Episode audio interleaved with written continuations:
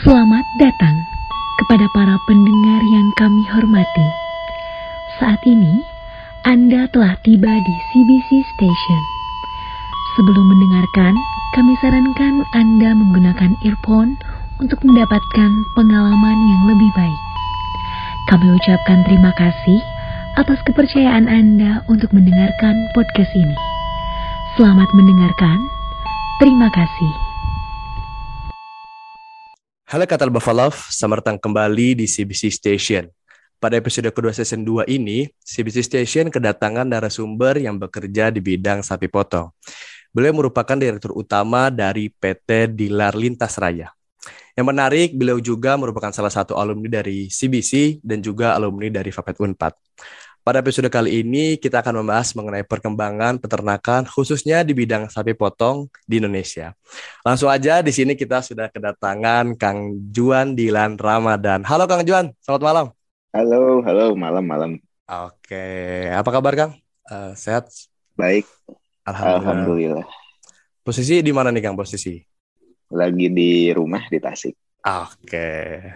Ya kan sebelumnya aku terima kasih banyak yang udah mau mau mampir ke CBC Station main-main buat sharing-sharing sedikit mungkin banyak uh, orang mungkin belum tahu ya tentang mengenai dunia peternak, dunia sapi potong khususnya uh, walaupun ada peternakan sendiri gitu. Jadi mau sharing-sharing sedikit aja tentang kegiatan dan juga dunia sapi potong. Oke Kang, sebelumnya mungkin boleh, sekarang boleh. kesibukannya apa nih Kang? Akhir-akhir ini? Mungkin kesibukan terakhir ini uh, sekarang di kandang sih menata kembali setelah PMK. Ah, setelah PMK ya. Wah ini menarik juga nanti kita bahas tentang PMK ya Kang. Iya. Tapi progresnya sekarang semakin membaik apa gimana Kang? Semakin membaik sih. Semakin membaik ya, alhamdulillah. Mungkin di pilot-pilot udah udah nggak ada kasus kayaknya ya setelah oh. adanya vaksin. Oke okay, oke, okay. alhamdulillah. Oke Kang, sebelum kita bahas tentang sapi potong, mungkin kita flashback dulu ya Kang ke zaman-zaman dulu kalian ya, kan kan Akang juga salah satu alumni CBC juga, alumni Fapet juga. Diklat yeah. 14 ya Kang ya? Berarti Fapetnya 2015, hmm. bener ya? 15. Betul. 15. Mungkin mau cerita uh, tanya sedikit Kang dulu, maksudnya kan ya aku juga tahu Akang mungkin uh, dari basicnya peternakan khusus sapi potong. Dulu kenapa milih CBC sih Kang? Jadi mungkin kenapa tertarik ke CBC itu eh pengen ke Australia sih sebenarnya. Pengen ke Australia dan akhirnya kecapean ya. Alhamdulillah tercapai. uh, jadi itu salah satu ininya lah. Salah jadi... satu alasannya tuh jadi dulu tuh pas uh, eh, PMB ya penerimaan ya. mahasiswa baru tuh uh, pas ospekan tuh ada uh, apa uh, presentasi dari alumni hmm. uh, NIAP, ya. alumni NDCA kan. Nah dari sana uh, mereka ngasih video tertarik bisa dari sana sih. Oh, Mikirnya jadi... tuh bisa ke Australia itu cuma lewat CBC. Uh -uh. Ternyata ya gitu. sekarang sih udah Makanya ber ber berapa jalan sih ya, tapi ya dulu mungkin pencetusnya CBC salah satunya. Hmm. Ya ya. Dulu berarti uh, posisinya apa Kang kalau di CBC Kang? Uh, pas jadi pengurus? Dulu. Uh, pas, siapa? Ya, pas jadi pengurus tuh dulu akan tuh kabir pemasaran, kabir ah. marketing. Oke okay, Kang, tadi akan juga sempat info juga bu, akan salah satu yang terpilih program NIAP ya waktu tahun 2018. Bisa cerita sedikit nggak Kang? Waktu betul. itu prosesnya gimana dan akan sampai bisa berangkat tuh gimana? Jadi prosesnya tuh dulu kalau nggak salah tuh dulu Teh Divi angkatan yang 2013 tuh dia ngebuka program uh, pelatihan di internal CBC itu.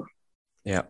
Untuk uh, anggota yang mau ikutan uh, niat yang mau berangkat ke Australia gitu yang pengen yang pengen ikutan tuh jadi dipersiapin dulu tuh sama TDV itu kalau nggak salah dulu tuh ada beberapa peserta di program itu tuh nah TDP ngasih tahu kisi-kisinya lah dari sana tapi uh, itu sebelum uh, seleksi. Mm. Nah, pas seleksinya tuh uh, ada beberapa tahap tuh. Yang pertama ada tahap dari alumni Unpadnya. Dulu tuh di interview sama kalau nggak salah tuh uh, ada Kang Irfan, Teh Devi, uh, Teh Emil, sama uh, Kang Izar.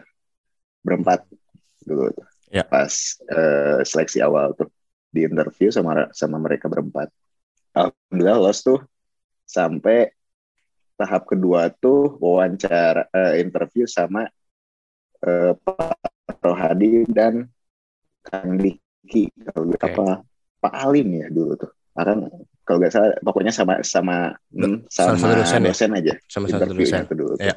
Nah, ya sama sama dosen interview tahap keduanya tuh. Nah, pas akan kan dulu tuh apa namanya eh materiin eh, presentasinya tuh tentang perbedaan impor sapi potong dengan impor India. Ah, Eh, impor India, impor eh, daging beku. ke Indonesia, ya. Oke, Nah, oke. Nah, ini perbedaan itu. Mm, Nah, entah kenapa dulu tuh ketika akan beres eh, presentasi itu, Pak Rohadi tuh eh, Tertarik. interest gitu ya. eh, nanya-nanya. Hmm. Nah, ketika Pak Rohadi nanya-nanya tuh, agak nggak bisa jawab. Bener-bener stuck aja dulu tuh. Malah yang yang bahan yang disiapin malah nggak bisa jawab jadinya. Eh, jadi, jadi seolah-olah bahan yang kita bahan yang kita siapin tuh jadi mentah bener-bener mentah di depan Pak Rohadi tuh. Akhirnya ah, gagal kayaknya nih. Gagal. Tapi Tapi akhirnya Eh, alhamdulillah tetap ini ya. Berarti ya. pada akhirnya alhamdulillah tetap tetap dimajuin Hmm. apa tetap masuk tuh sampai eh, tahap seleksi akhir tuh dia langsung interview sama fakultas Ya. terus ada pihak eh, ISPI sama ada pihak MDCA-nya dulu tuh Jadi Nah, seleksi pas, terakhir. eh, hmm, di seleksi terakhir tuh. Ya mungkin dulu tuh eh, ada kisi-kisi dari eh, alumni sebelumnya tuh jadi tunjukin bahwa kalian udah udah punya seenggaknya udah punya pengalaman di sapi potong Australia katanya. Ah, Nah, Padahal pas mah- itu akan nunjukin lah pernah magang di sini di sini di sini. ah, Nah, terus yang yang eh, terakhirnya akan juga nunjuk nunjukin eh, apa suka ikut sama keluarga gini gitu. ah, ikut ikut di bidang sapi potong gitu ya. Ikut ikut di bidang sapi potong sama Ya. keluarga gitu. Nah dari sana eh, pihak NTCA-nya agak tertarik nanya-nanya tentang eh, bisnis keluarganya. Ya. Akan akan jawab dan gak lama dari sana tuh ada pengumuman yang masuk tuh dulu tuh Akang sama eh, Teh Yani. Oh, Teh Yani ya. Hmm, cuma ada eh depending kalau nggak salah dulu tuh depending si programnya tuh sampai akhir eh, agak lama sampai akhirnya tuh Teh Yani udah lulus duluan terus yang berangkat dari Unpad tuh cuma akan sendiri Iya, iya. Oke, oke. gitu. Hmm. Ya alhamdulillah berarti tujuan masuk CBC berarti tercapai ya, Kang. tujuan Capai, alhamdulillah. interest pertama dari CBC mau ke Australia. Dan Pengen itu mau sekali itu aja. Oke Kang, Eh, tadi kita udah flashback sedikit. Dulu CBC salah satu eh, staff wira- sa- eh, kepala biro marketing, terus juga dapat kesempatan ke NIAP. Sekarang eh, Akang merupakan direktur utama dari PT Dilar Lintas Raya. Boleh ceritain sedikit nggak Kang? Eh, PT Dilar Lintas Raya itu apa? Mungkin juga sejarahnya dan juga mungkin kegiatannya itu sekarang apa? Jadi mungkin kita apa eh, si perusahaan ini tuh awalnya tuh dari perusahaan keluarga. Iya. Dan sekarang juga masih tetap perusahaan keluarga sih. Eh, jadi dulu tuh biasa dikenalnya tuh eh, lintas nusa. Interest LN gitu ya. Iya. Kalau kalau eh, sama orang-orang sapi yang dulu tuh. Nah, jadi si LN ini tuh awalnya tuh dari generasi pertamanya tuh dari Uyut Akang berarti. Uyu tuh Generasi kak- kakek tuh. apa atasnya kakek? Uyut tuh atasnya kakek. Ah, bapaknya kakek. Oke, oke. Bandar sapi lokal. Oh, Uyut tuh. Terus generasi keduanya tuh ada ke kakek sama nenek. mm-mm, mm.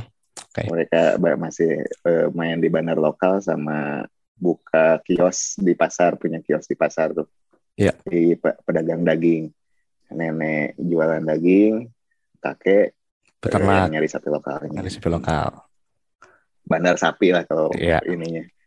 bahasa kerennya mah Masa ya. kita kita wah ya beternak. badar sapi gitu. Iya. Nah, terus eh, generasi ketiganya tuh ada Ua sama Papa berarti Mm-mm, Oke. orang tua Kang sama kakaknya orang tua Kang. Nah, mereka yang mulai U kakaknya Papa tuh yang mulai nyoba ke sapi impor.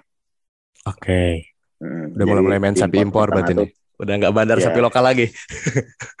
udah jadi dulu tuh ada eh, kalau dengar ceritanya tuh brand sapi lokal sama sapi impor tuh unik katanya. Hmm, apa tuh? Jadi ada yang fan, fanatik sapi lokal gitu, jualannya tuh gak mau nyentuh sapi impor. Tapi yang sapi impor fanatik sapi impor gitu, pengen Ah. lawan sapi lokal gitu. Dualisi, Jadi dualisi. ada yang nasionalis, ada yang Libera eh, ini apa pengen kebarat-baratan gitu ya. ya.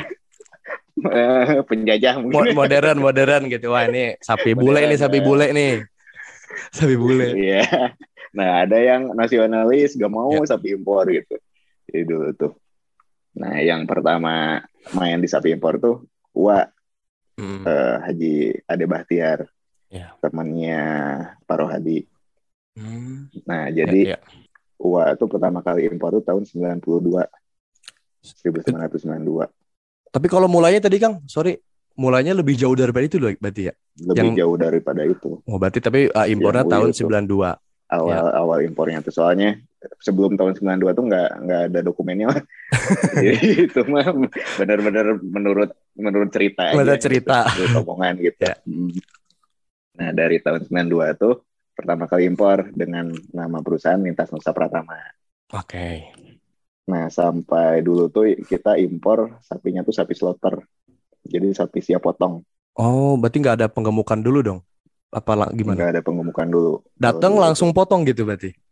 datang paling istirahat sehari kadang katanya istirahat 12 jam langsung kirim kirim kirim potong potong katanya Oh, itu dari mana? Australia? dari Australia Oh, belum belum ada peraturan-peraturan yang cukup ketat berarti waktu itu ya bisa langsung potong gitu. Apa jadi belum belum ada belum Belum. ada karantina belum ada apa dulu belum datang, gitu-gitu belum ada ya? potong datang potong datang potong Oh, Nggak ada, nggak ada SKS. iya, iya. SKS kan dari nah nanti nanti kita cerita Oke, oke, SKS oke. ya Iya. nah sampai akhirnya tuh krisis moneter tahun 98 97, 98. 98 kan krismon Mm. nah yang asalnya dolar dulu tuh 1000 2000-an Jadi meng, naik nambah nol ya. sepuluh ribu Nah langsung. dulu tuh sistem pembayaran ke Australia itu LC.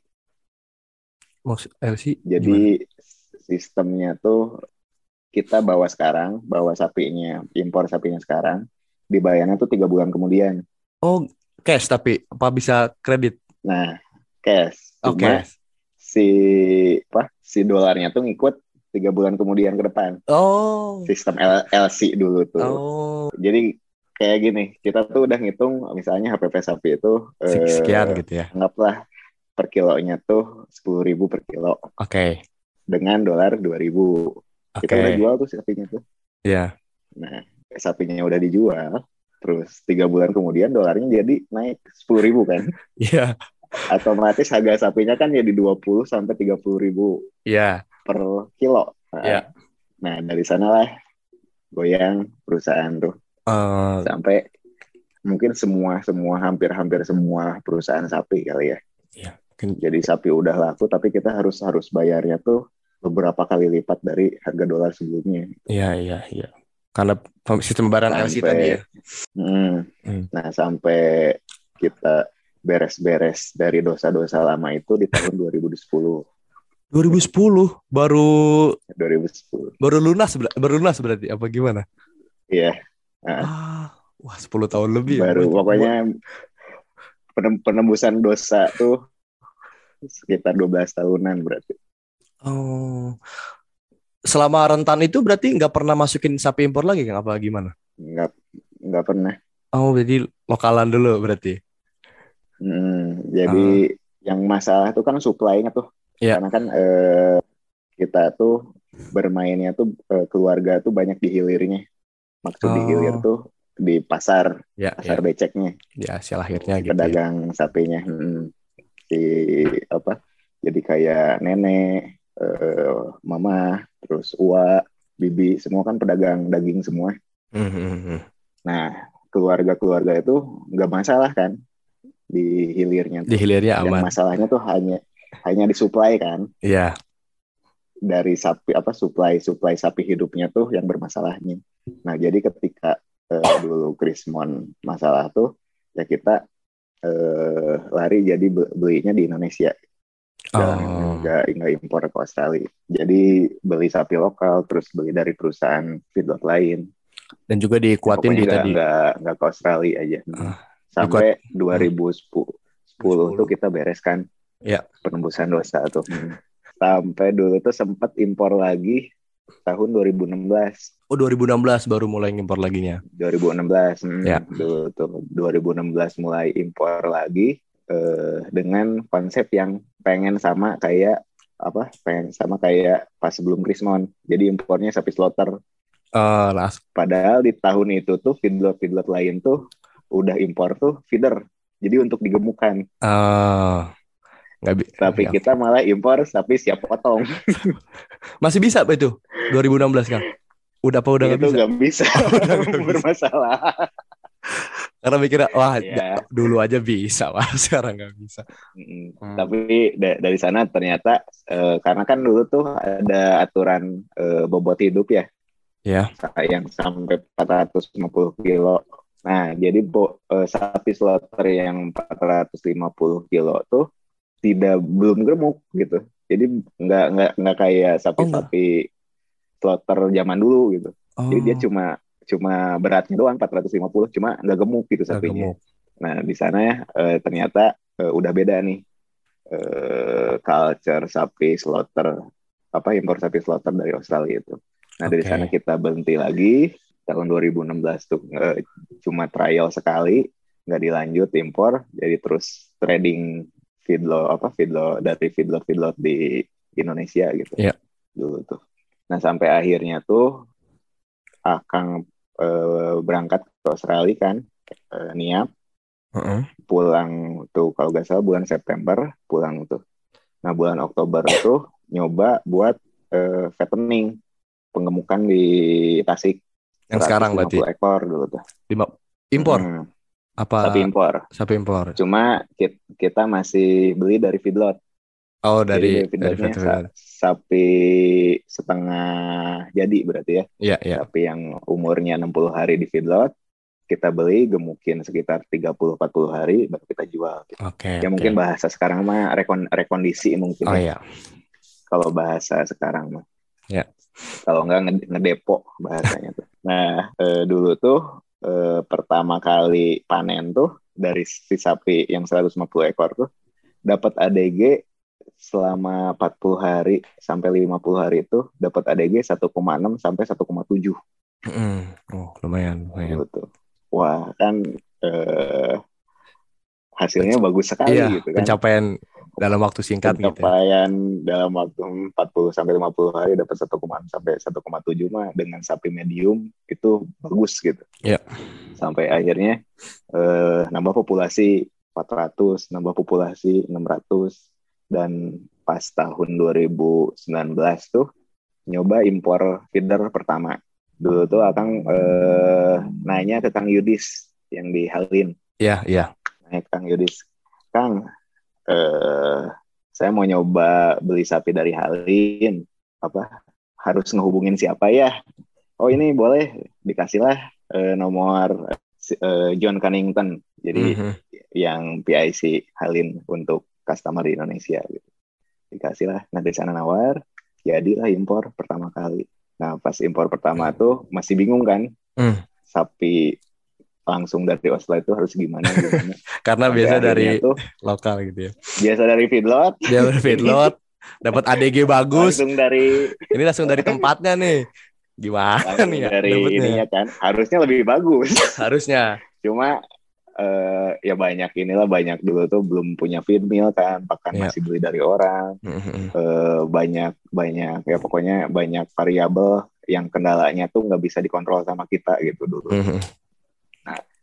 Eh, sampai akhirnya tuh tahun 2020 kita bikin eh, apa bikin feed mill Dia bikin fit meal. pabrik-pabrik pakan Ya. Mm-mm. di tahun 2020 tuh. Nah dari sana eh, alhamdulillah apa untuk da- dari produksi itu bisa kejaga gitu. Oh dari situ berarti sampai sekarang terus impor terus feeder dan dari Australia Sampai- langsung berarti Kang. Kalau sekarang sih Australia mahal, kita beli di Indonesia. Balik lagi, balik lagi. mahal, beli di Australia. balik lagi, mana yang murah aja sekarang. 2019 berarti itu udah Kang yang megang ya? Apa apa masih orang tua? Apa gimana Kang? Kalau pas 2019 tuh jadi pertama kali eh, produksi ya, Iya. mungkin fattening tuh dulu tuh Akang dibantu sama Kang Wahyu Bolang. Hmm, Kang Balang. Hmm, dulu tuh. Nah, sampai sekarang produksinya juga dipedang- dipegangnya sama Akang, operasional produksi dan lain-lainnya. Cuma untuk masalah eh, marketing dan penjualan mas itu eh, ranahnya deh papa gitu. Oke, oke. Mm-mm. Cuma bikin bikin ADG dan sapi bagus itu ranahnya Akang. Ese. Oke. Jadi kalau eh, ADG jelek, sapi karkas jelek, yang disalahin Akang gitu. Berarti salah satunya tadi yang eh, rada bingung mungkin perbedaan pas sebelum eh lokal fit lokal sama dari luar itu waktu itu belum punya fit meal ya Kang. Itu ngaruhnya belum Semarang Bang Kang feed mill fit meal berarti. Ngaruhnya tuh jadi kalau kan eh, beli pakan dari orang tuh kan jadi kita nggak bisa ngontrol apa quality controlnya tuh bukan Iya. sama kita ya. Hmm, jadi naik turun kayak intake pakan sapi kan Hmm. kalau misalnya si pakannya nggak stabil kan dia bisa naik turun tuh. Iya. Hmm, Dan biaya gitu. produksi juga mungkin jauh lebih ngepres berarti Kang. Pasti ya. Daripada kita Ya, beli di orang gitu. ya. itu. Oke. Ongkos gak ada gitu kan kepotong. Iya, iya. Berarti sekarang eh eh, tadi eh, cerita sejarah kan berarti tahun 92 terus sempat kena Krismon terus juga eh, buka lagi tapi ternyata culture-nya udah beda. Tadi ternyata harus beli yang feeder bisa nggak bisa slaughter lagi dan slaughternya beda, ya. beda udah beda. Sampai sekarang Beda versi. beda versi. Ba- eh, sampai sekarang udah ya udah bisa milih lah. Entah tadi mau cari yang murah. Ya intinya cari yang murah gitu. Bisa di lokal bisa di luar. Ah sekarang berarti populasi kira-kira sekitar berapa kan biasa ngisi berapa kan Eh, di mungkin populasi di Kanang mungkin sekitar 900 sampai 1200. 1200 itu Hmm. campur apa lokal dan impor Eh, sapinya sapi impor semua. tapi impor semua oke Hmm. Jadi lokal kita mainnya tuh cuma di kurban aja, oh gitu berarti ini semua potong harian semua ya kang potong harian semua. Oke.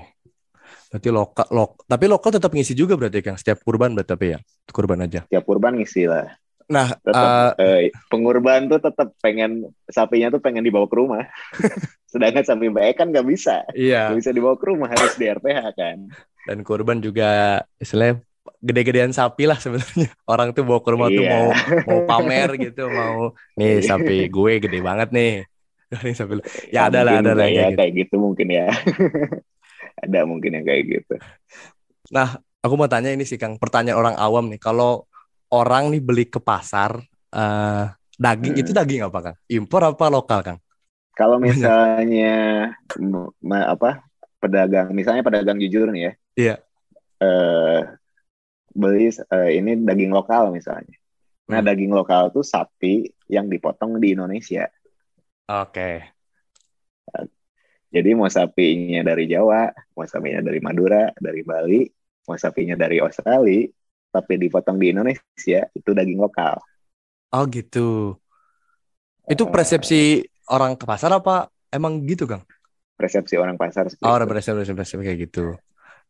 Eh, Oh, jadi Nah, mikir kalau misalnya dia mau apa? Ini sapi impor.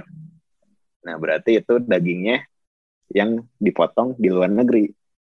oh langsung dikirim udah jadi bentuk daging gitu ya dikirimnya dulu. Daging. Mm-mm. Oke. Kalau jujur, tapi kalau jujur, kalau jujur, Itu jujur. Eh, Kalau jujur. kalau jujur ya. kalau Kalau gak jujur kan daging impor juga bisa jadi daging lokal gitu. iya iya. Oh gitu. Ya biasanya kan ya banyak gitu. Ini kita makan tuh daging apa sih gitu. Padahal mah kan mungkin setahu aku nih be daging beek nih misalnya nih. Tapi kok orang bilang daging lokal gitu. Tapi ya mungkin ternyata gitu ya persepsinya kalau impor ya barang jadi udah hasilnya dikirim baru barang impor gitu di ya. luar. Iya, iya, iya. Mm.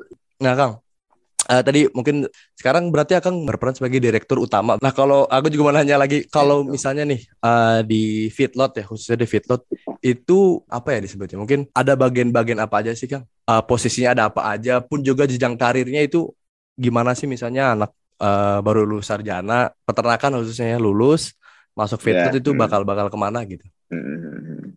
Nah mungkin kalau di feedlot tuh eh, jadi mungkin ada beberapa divisi ya di feedlot. Ya. Jadi mungkin pertama tuh ada divisi produksi.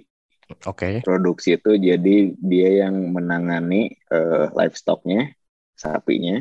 Jadi yang kayak eh, ngasih pakannya, terus ngejagain eh, apa? Ngejagain sapi, treatment sapi itu ranahnya anak livestock. Terus Mm-mm. ada warehouse atau feed mill. Nah, Ya, dia yang bikin pakannya. Pakannya. Hmm, yang apa ngedatengin bahan baku terus dia nge-mixnya sampai eh, dikirim ke bagian livestock nah itu areanya anak feed mill kemudian ada mungkin divisi eh, vet atau dokter hewan Oke. nah dia yang tugasnya tuh eh, ngejaga kesehatan di feedlotnya Hmm, hmm, hmm. jaga eh, kesehatan sapi-sapi di feedlotnya barengan sama anak livestock biasanya. Oke. Mm, Nah, terus eh, itu di bagian produksinya. Terus ada yang bagian marketing. Hmm, Marketing itu tugasnya yang ngejualin sapinya. Oke. Jadi yang PIC dari eh, perusahaan ke customer gitu. Berarti Itu tadi ada marketing. udah lima tadi livestock, feed mill, eh, kesehatan, Kalau perusahaan. jadi divisi produksi itu dalamnya ada livestock, feed mill, sama vet. Oke, oke. Tiga, tiga bagian. Nah, Mhm. terus di eh, divisi marketing yang penjualannya. Nah ini eh, biasanya beda divisi si produksi Hmm. sama marketing tuh. Oke, oke, oke. Jadi biasanya eh, beda target juga. Iya. Marketing pengen pengen sapinya bagus biar ngejualnya gampang gitu.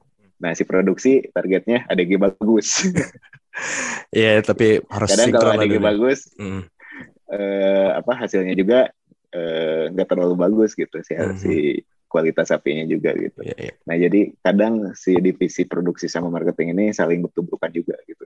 Oh, oh, ADG bagus nggak bikin sapi bagus juga, Kang? Kalau misalnya ADG, jadi gini, persepsi ADG bagus tuh, kalau misalnya ADG bagus yang munculnya daging, Mm-mm. itu kualitasnya Oh. bagus. Iya, iya, iya. Tapi ADG bagus yang munculnya lemak, Ah, pelanggan pasti menjerit kan. Gitu. iya, iya, iya, iya, iya.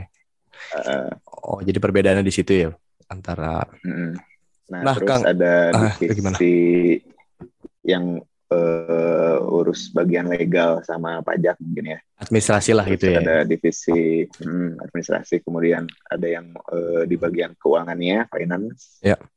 Ngurus eh, semua ininya, dan mungkin ada maintenance mungkin ya, itu di bawah produksi sih maintenance. Hmm, ya buat operasional sehari-hari lah gitu ya. Misalnya ada sehari-hari ya. Iya, iya.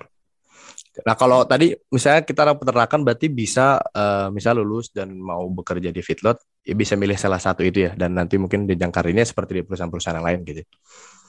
Mm-mm. Oke. Lebih seperti itu. Oke. Ya eh, itu mungkin banyak kan gitu kita eh, sering dengar gitu feedlot feedlot terus kalau kerja tuh jadi apa gitu. Soalnya ya Mm. mungkin ada yang mikir jadi anak kandang gitu kan. Ya mungkin bisa juga gitu, tapi Hmm. mungkin kan kita punya uh, keilmuan yang lain gitu bisa disalurkan di Iya. tadi ya beberapa divisi itu ya berarti kalau misalnya kita bekerja di Hmm. feedlot.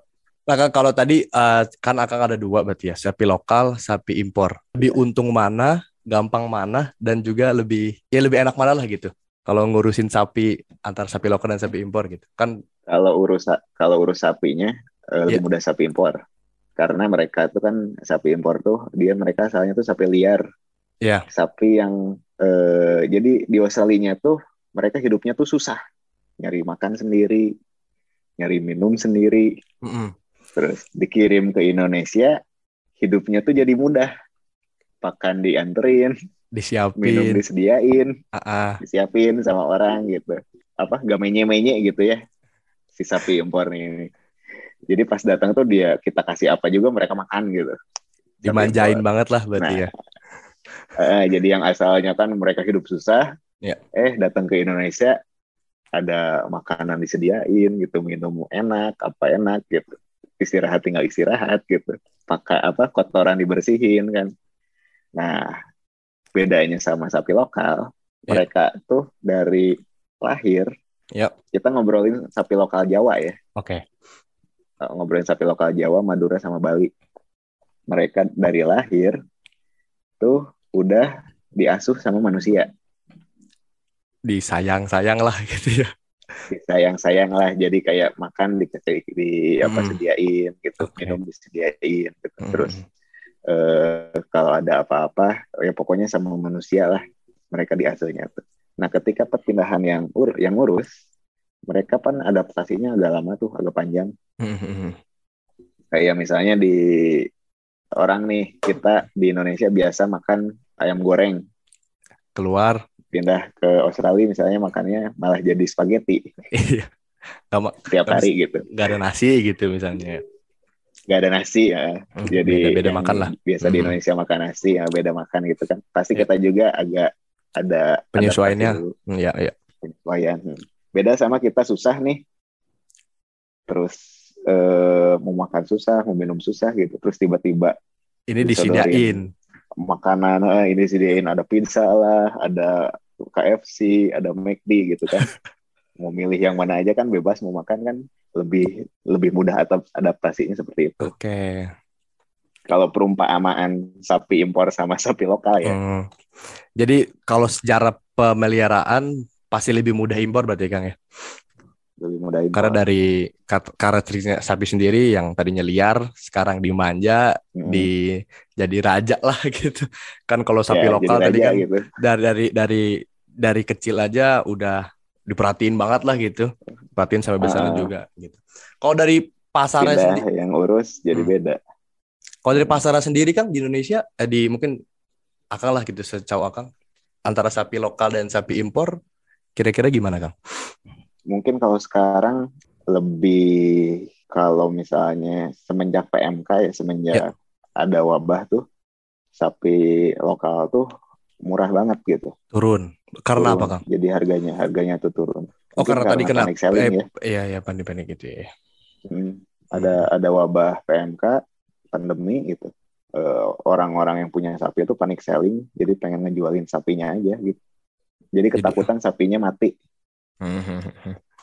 Dan mungkin Kalau daripada kan nggak nggak jadi apa-apa daripada kos biaya pengobatannya mungkin mungkin ah jualin aja gitu kali ya. Iya Oh. bisa bisa kayak gitu juga. Hmm. Hmm.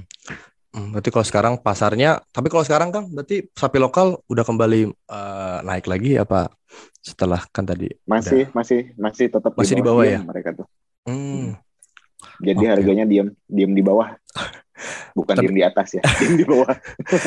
Tapi sapi eh, kalau sapi impor eh, aman-aman aja berarti Kang ya Kang sejauh ini. Kalau nah sapi impor tuh jadi dampaknya dari sapi lokal murah tuh sapi impor yang mahal sekarang tuh jadi harus ngikutin Turun berarti. mau gak mau harus ngikutin harganya sama sapi lokal. Oke. Kalau misalnya sapi impor gak ngikutin harganya, gak ada yang mau motong sapi impor. Oh, gitu sekarang ya. Berarti ya maksudnya kan beda gitu ya, tapi tetap aja harus ngikutin eh, harga dari sapi lokal juga ke bawah gitu.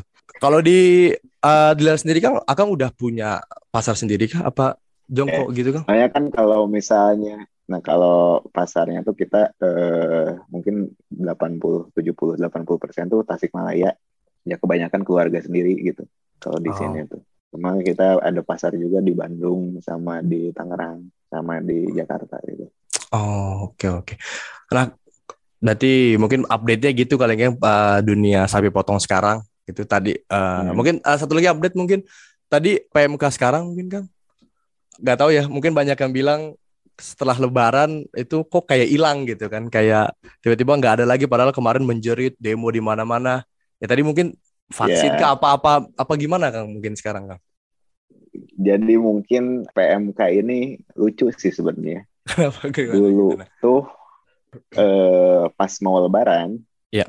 di Jawa apa eh, sapi impor kan naik-naiknya tuh si harganya tuh Iya. karena pembelian mahal, apa eh, harga pakan naik gitu. Si harga sapi impor tuh kan naik tuh harganya tuh. Nah, di lain sisi pas mau lebaran di di Jawa Timur tuh harga sapi lokal malah murah. Hmm, malah murah. Jadi uh, itu sebelum lebaran. Iya. Nah, uh, jadi kan dari pas lebaran aja udah kebagi dua nih. Ada yang motong sapi impor, ada yang bermain sapi lokal gitu. Iya. Pas lebaran aja. Nah, H plus satu lebaran nih lucu. Direk apa Gubernur Jawa Timur ngumumin bahwa di Jawa Timur udah ada kasus P, uh, PMK dulu tuh seki, uh, udah di udah beribu-ribu lah, udah dua ribu kalau salah kasusnya. Mm -hmm. Ya, ya. Nah, kenapa ngumumin kasusnya tuh ketika udah dua ribu gitu? udah kenapa banyak gitu ya. ngumumin tuh ketika eh, ngumumin kasusnya tuh pas masih 20, 30 hmm. gitu kan. Yeah dan ngumuminnya tuh kenapa setelah lebaran? Jadi malah kan sebelum lebaran sapi tuh udah ke mana-mana tuh. Iya, udah ya kayak covid ada aja kali yang ya. ke Tasik ada yang ke Bandung ada yang ke Jakarta kan? Ya, tapi ya. Jawa kan bisa ke mana-mana kan? Ya, ya. nah mungkin dari sana tuh awal awal penyebaran kali ya. tuh. Ya. penyebarannya tuh. Ya mungkin emang di Jawa Timurnya pas puasa juga udah ada udah ada yang uh, gejala udah ada yang yeah. menunjukin apa gejala klinis gitu dari si sapinya tuh. Ya mungkin si peternak panik ya jual murah yeah. aja gitu. Mumpung momennya lebaran biar habis sapi. Nah uh, dari sana kan rame sampai uh, idul adha kan? Ya yeah. ramenya tuh. Wah, nah, itu mungkin panik uh, semua feedlot semua. panik semua kan. Wah, mau di mana-mana. feedlot sebenarnya feedlot tuh kan uh, jumlahnya tuh nggak banyak ya di Indonesia tuh. Yeah. Ya mungkin nggak di gak nyampe 20 juga gitu di hmm. Indonesia hmm. tuh. Nah, yang banyak ini kan pedagang kurban. Ya, yang baru buka, yang, eh, yang kecil-kecil lah, yang kecil-kecil. Yang, uh, mm-hmm. Nah, kenapa rame itu? Karena pedagang kurban di Indonesia tuh banyak gitu. Ya. Dan kenapa setelah Lebaran tiba-tiba hilang, nggak ada pemberitaan apa-apa? Karena ya sapinya yang apa pedagang kurbannya juga udah habis gitu. Oh, mungkin cuma sih kasusnya masih ada. Kalau ya, kita ngedengar dari peternak di Jawa Timur masih ada. Sampai sekarang pun masih ada berarti ya. Sampai sekarang pun masih ada. Oh. Walaupun udah ada vaksin juga masih ada ya. gitu. Kasusnya. Jadi mungkin membesar itu waktu itu karena ya banyak pedagang yang ya mungkin dadakan atau kecil-kecilan jadi makin menyebar gampang dan mungkin uh, ini juga apa ya mungkin kesehatannya dan cara penanganannya juga mungkin belum terlalu bagus dan meledak lah itu ya. Ya. Kemarin pas lebaran ya, oh gitu. pedagang kurban kebanyakan trading. Ya. Mereka gak, gak biasa ngurus sapi kan yang ngasih makan ngasih makan juga cuma rumput doang gitu yang penting mm -hmm. uh, sapinya nggak susut kan terus langsung jual kan langsung kirim oh, ke iya, iya, iya. make sense make sense. Gitu kan maksudnya ya sebelum lebaran gitu sampai demo kan kemarin ke istana ke istana apa segala macam terus di tempat mana-mana hmm. masuk peternakan aja sulit gitu. Kayak kayak covid lagi lah tapi di covidnya di sapi lah. Apalagi uh, susu ya kemarin uh, industri juga juga sempat jatuh. Iya covidnya di sapi ini. Iya gitu covidnya di sapi gitu sampai hancur kan mm -mm. susu juga. Abis lebaran hilang gitu yang yang anehnya gitu ini kok tiba-tiba hilang gitu di kadang-kadang nggak perlu sirap semprot-semprot lagi ya bagaimana gitu. Jadi ya mungkin itu tadi salah satu faktor utamanya. Selain vaksin juga mungkin hmm. berpengaruh juga ya, Kang? Ya, vaksin uh, berpengaruh sekali. Vaksin juga berpengaruh sekali. sekali. Hmm. Tapi tetap PMK pun masih ada ya sampai sekarang. Masih ada. Ya, dari dari dulu juga walaupun PMK ada kan memang bukan jadi salah satu eh, bikin penyebab kematian lah gitu. Memang sapinya sakit aja lah gitu kan. Iya. Jadi sebenarnya tapi Banyak. aneh juga sih munculnya di Jawa Timur. aneh sih. Gak tahu ya, gak tahu, gak tahu. Gak permainan tahu permainan mana ya? Iya ya udahlah. ya udah. Nah Kang, aku juga mau tanya sedikit. Mungkin ya Kang mungkin tadi eh, ceritakan besar dan tumbuh di di dun, keluarga yang bergerak di bidang peternakan gitu Kang. Ataupun punya sedikit ya bisa kita bilang privilege gitu kan tentang uh, sepak potongnya mungkin nanti akan bisa ceritain juga tentang gimana. Tapi itu apakah, apakah menjadi sebuah keuntungan gitu? Ya kan udah masih muda gitu kan, tapi udah alhamdulillah udah bisa megang peternakan yang populasi juga cukup, cukup banyak.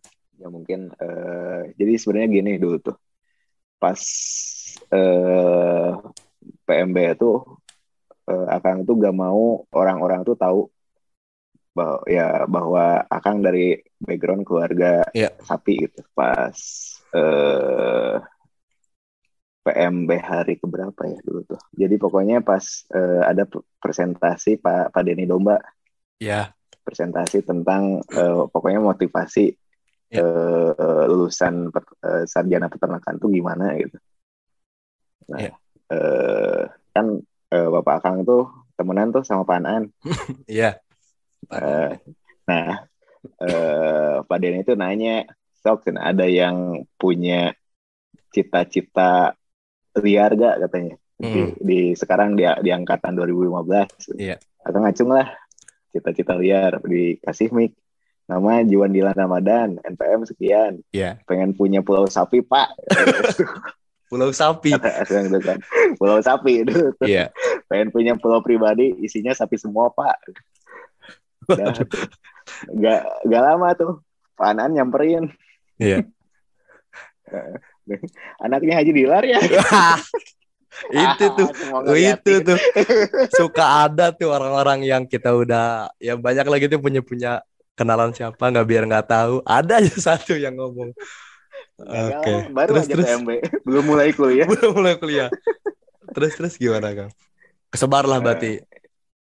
Barulah dari sana uh, terus uh, ya udah dari sana nggak nggak jadi lah pengen nutup nutupin tuh ya udah yeah. udah ini semua mm-hmm. semua udah tahu gitu terus uh, alhamdulillah Kang juga dekat sama uh, Kang Wahyu gitu dulu yeah. tuh jadi uh, tahu uh, CBC seperti apa yeah. jadi makin tertarik karena dulu tuh walaupun Akang dari keluarga sapi tapi sam sampai SMA tuh Akang nggak tahu apa-apa gitu jadi ya, asal eh, pekerjaan uh, orang tua aja gitu ya, usaha pekerjaan keluarga. orang gitu. ah tahu ya. usaha keluarga udah tahu. Cuma emang nggak tahu isinya gimana atau gimana gimana itu sampai apa kuliah di peternakan juga masih belum tahu gitu. Ya. Nah, malah akan tahu ke industri sapi di Indonesia seperti apa tuh pas masuk CBC gitu. Oke. Okay. Malah taunya tuh di CBC. Mm. Dan uh, pas udah uh, dulu masih anak jadi anak di CBC, dari sana jadi uh, pengen tahu ngikutin ini orang tua gitu malah tahunya di sana gitu jadi sebelum sebelumnya nggak tahu hmm. nggak hmm. tahu apa apa gitu sebelum sebelumnya jadi ya belajarnya benar-benar dari nol lagi berarti ya kang belajarnya pas kuliah benar-benar pas kuliah oke okay, oke okay. ya uh, berarti tadi uh, belajar tetap dari nol lagi dan dari mulai kuliah dan masuk CBC baru ya banyak belajar lagi. Iya maksudnya kan banyak gitu ya mungkin karena tahu background akang gitu ah atau mau gampang gitu kan uh, dapat punya privilege mungkin uh, pasti punya privilege gitu dari keluarga gitu. Tapi tetap pasti banyak hmm. uh, struggle-nya. Tadi aja sampai SMA aja nggak tahu nih keluarga nih usaha apa nih? Ya tahu mungkin tapi tahu gimana? sih usahanya sapi. Ta iya. cuma dalamnya seperti apa nggak tahu gitu. iya gitu. Tapi dulu kepikiran nggak kang? Maksudnya apa memang mau di peternakan gitu Maksudnya apa enggak? Eh. Kan dari kecil nih gitu dari 92 berarti dari sebelum lahir kan berarti udah usaha keluarga tadi. Nah malah de, dulu tuh pas SMA tuh orang tua nyuruhnya tuh masuk ke kedokteran. Kedokteran. Tapi hmm, ya de, sebagai sebagai anak yang apa ya anak yang baik iya. harus ngikutin lah kan. Kayaknya bukan anak anak yang baik deh. ikutan lah akan testing kan oh, iya. dulu tuh ikutan testing di Maranatha Fakultas hmm. Kedokteran dulu tuh. Oh Maranat, nah, Maranat, yo dokter. Maranat, hadir doang Kang, nggak ngisi apa-apa. Sengaja ya. Nama doang. Sengaja. ya, yang penting ikut, ikut testing. Ikut. ikut iya testing. mau, iya mau uh, nih kedokteran mau. Mau. Uh. Tapi tetap ujungnya peternakan juga gitu. Ujungnya peternakan. Ah gitu jadi nggak tahu dulu saya yakin itu gitu. Jadi pas SMA tuh milih senam PTN aja. Kan biasanya ada beberapa pilihan tuh. Ya. fakultasnya ada beberapa gitu. Akan cuma dua. Fakultas Apa? peternakan Unpad pilihan pertama. Pilihan kedua fakultas peternakan Brawijaya eh, eh di Penogoro. Undip oke. Okay. Undip uh.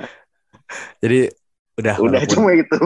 Walaupun orang tua ya mungkin beda lah dikit nih ke dokteran ke ke mana ke tapi tetap Iya. peternakan Dan tapi- ya alhamdulillah sampai sekarang juga tetap sejalan gitu ya usaha kerjanya karir Alhamdulillah sesuai sesuai passion. Mm. sesuai passion Dan emang keluarga juga kan sebenarnya dari dulu tuh eh, mereka jagonya tuh trading. oke Jadi nggak ada yang eh, backgroundnya tuh benar-benar dari maksudnya eh, Pemeliharaan segala macam. gitu. oh Pendidikan peternakan tuh belum belum ada dari keluarga tuh. berarti lebih ke Jadi mereka eh, dia jago dagang lah gitu. Jago dagang. pasar gitu. iya iya iya Nah, pas eh, Akang masuk ya ditata lah baru eh, produksinya gitu. produksi pemeliharaan pakan kesehatan manajemen, iya ah. iya Manajemen pemeliharaan semuanya dari sana.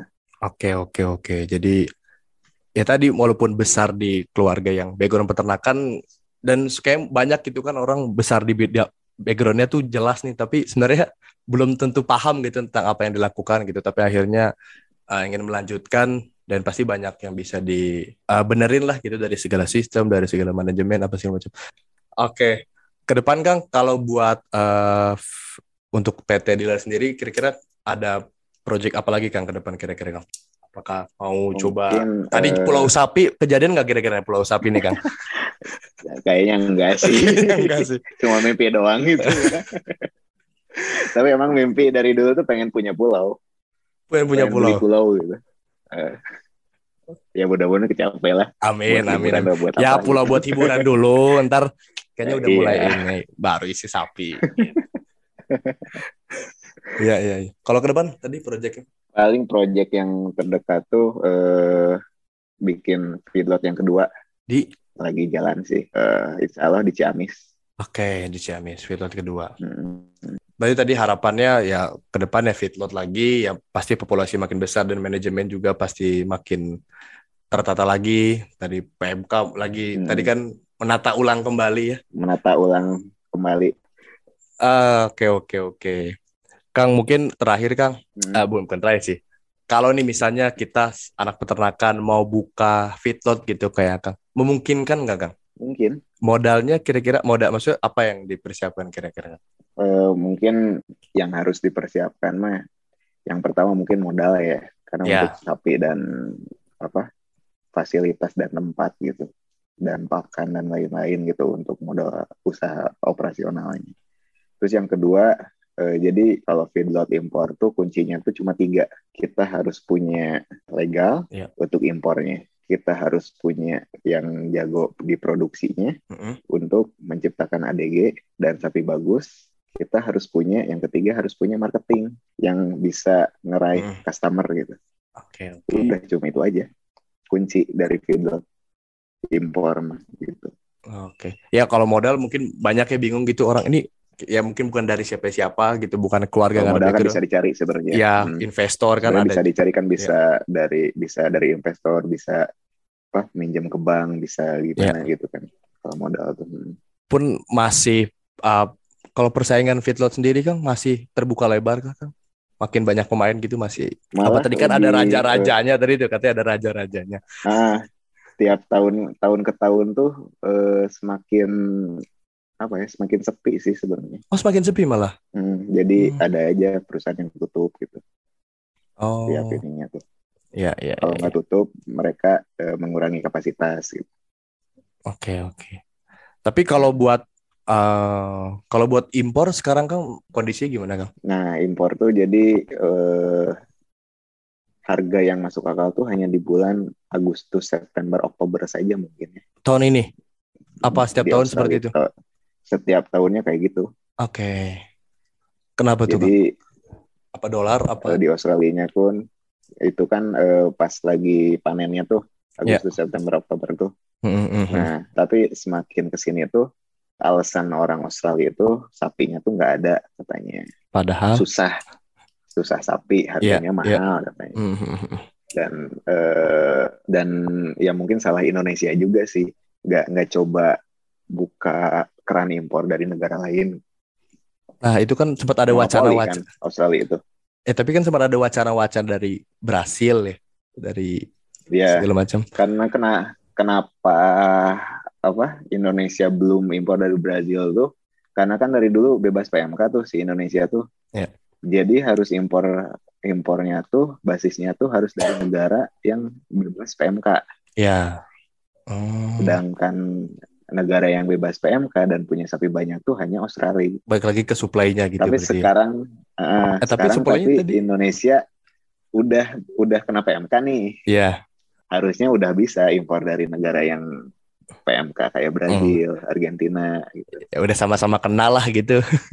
Udah sama-sama kena gitu. Jadi Iya, apa-apa harusnya. Iya, iya, iya. Itu yang lagi lagi yang lagi digarap sama teman-teman juga. Hmm. Jadi wacana-wacana mau impor pengen selain Australia tetap akan dilanjutkan gitu kan. Itu kayak Pasti. dari udah berapa tahun yang harus lalu. sih. Iya, kayaknya kalau terpatok satu Mm. juga ya tadi mungkin bisa jadi seenaknya pasti kan. Kayak tadi Nah, bilangnya itu. stoknya nggak ada apa segala macam. Oke, oke. Tapi kan belum nggak tahu juga. Kita kan di sini, mereka di sana Iya, ya gitu mungkin nggak tahu. tersangka kita aja gitu. Oke, Iya. oke. Tadi berarti tadi kalau uh, kita anak peternakan mau buka feedlot itu masih terbuka banget lebar ya Kang buat kesempatannya dan juga tadi tiga moda tiga kunci tadi ya yang harus ditekankan sama teman-teman semua gitu. Terakhir lagi nih Kang, tadi terakhir awal nih terakhir kedua nih. Uh, mungkin sebelum kita tutup nih Kang, terakhir mungkin harapan buat uh, teman-teman khususnya mungkin peternakan gitu Kang ke depan apa ini harus ditingkatkan atau kiat-kiatnya gitu menjadi eh, entah menjadi peternak entah mau jadi pengusaha yang lain gitu Kang. Mungkin eh apa ya? Ide gila harus ide gila kayak tadi. Mau bikin pulau sapi harus mau bikin pulau sapi. Apa ya? Mungkin kalau ha- harapan untuk peternakan Indonesia ke depannya sih semoga supply dan demand dari pangan di Indonesia ini stabil.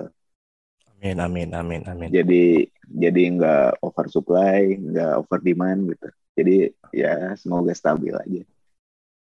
Soalnya ketika oversupply yang terjadi pasti perang. Over demand? Tapi ketika over demand yang terjadi pasti harga mahal Ya. dan lain-lain. Daya beli pun pasti langsung tiba-tiba turun. Oke. Ya, Oke oke oke. Kalau buat teman-teman peternakan Kang? mungkin untuk mahasiswa baru mah emang sih susah untuk cari passion tuh. Tapi Iya. di peternakan asik kok.